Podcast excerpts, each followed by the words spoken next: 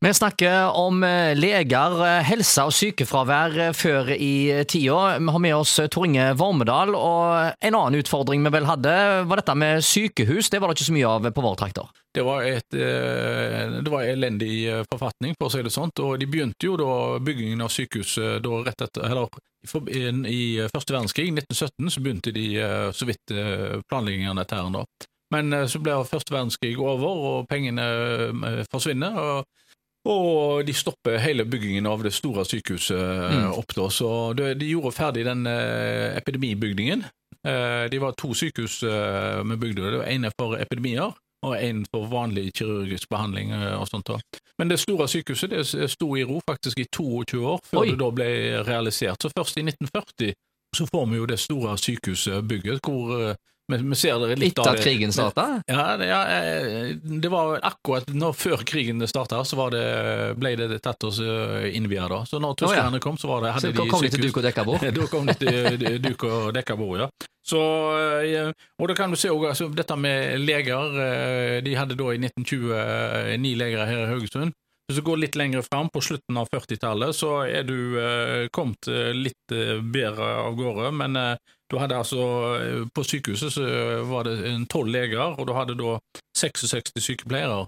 Eh, men ja, det, det, var jo mye. Men i dag, ja. på Helse Fonna, så har du altså i, ved avdelingen i Haugesund så har du 400 leger.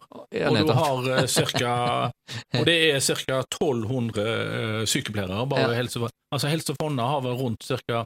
4000 eh, ansatte, og 3300 av de ansatte i Haugesund. Ja. Det er ikke bare leger og sykepleiere, det er også folk som driver med administrasjon eller lager mat og sånne ting som det. Ja. Men i alle fall, altså, se på, kontra det, altså, For 100 år siden var det ni leger, nå ja. har du på sykehuset er det 400 leger. Men vi er jo litt flere innbyggere òg? Ja, vi er dobbelt så mange uh, innbyggere som var for 100 år siden. Så innbyggertallet har eh, fordobla seg. Det gjelder både i Norge men, og du kan i, si, i, i forhold til antallet leger og sykepleiere, så er det litt, litt mer enn en dobling, for å si det forsiktig. Ja, men altså, fikk du for 100 år siden, hvis du fikk vondt i hjertet, så fikk du beskjed om å sette deg ned og, og, og på det beste. De hopper på det beste.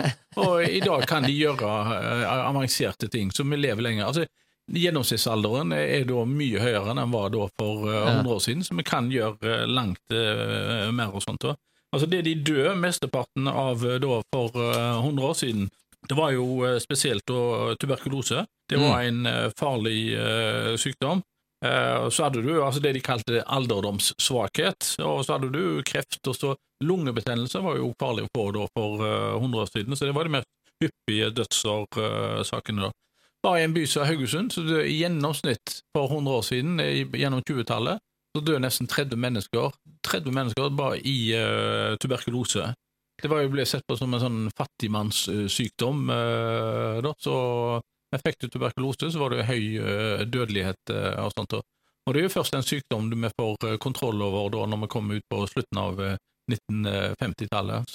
Ja, antibiotika funker jo på sånt? Ja da, så det, det er så har, Medisinen har gjort store fremskritt, så, men altså, i dag når han da forteller meg at det er stor legemangel eh, og problemer av og til å få tak i fastlegeordning, så eh, kan man tenke på ja, hvordan, var det for, hvordan hadde våre forfedre det? Vi har det tross alt ganske godt man i dag. Har det ganske godt i dag. altså. De som snakker om gode gamle dager, de har aldri opplevd det, eller så har de dårlig hukommelse. ja.